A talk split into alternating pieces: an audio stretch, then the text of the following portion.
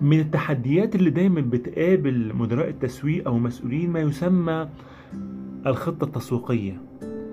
ودايما بيكون في يعني آه، لغط شوية في مفهوم يعني إيه خطة تسويقية. لكن خليني أتكلم معاك من البداية خالص بقى. وإحنا الشركة دي مش بتعمل عمليه من أنشطة معينة سواء لبيع منتج أو بيع أو بيع خدمة.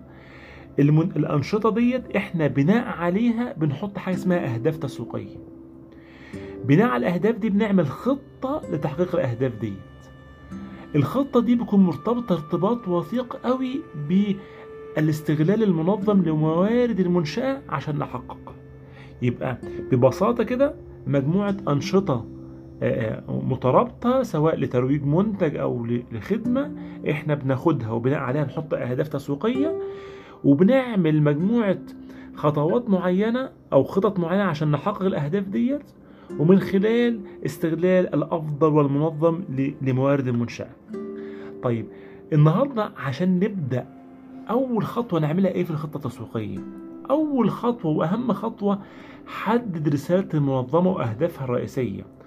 أرجوك ما تقوليش المدير قال لي اعمل خطة من غير ما يقعد معاك من غير ما يديك رسالة ورؤية وأهداف واضحة.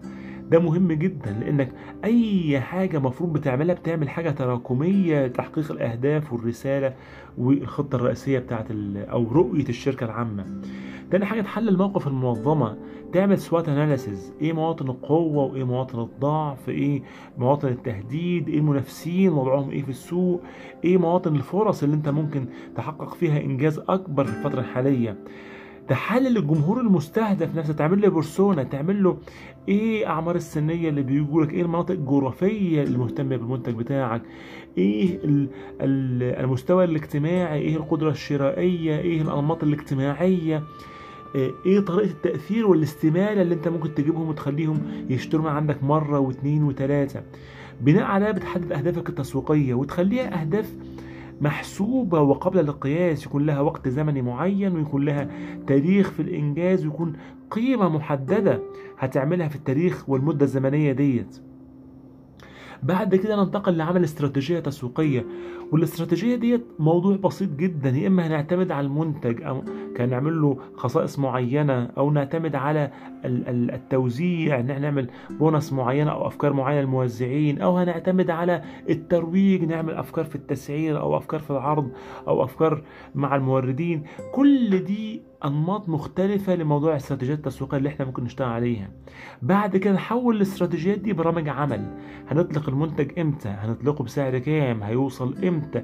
الحملة الإعلانية المتزامنة مع إطلاق المنتج هنعمل إيه بونص وهنعمل إيه ريوردز أو أو جوائز خاصة بالمستهلكين المباشرين أو عن طريق الموردين الموزعين؟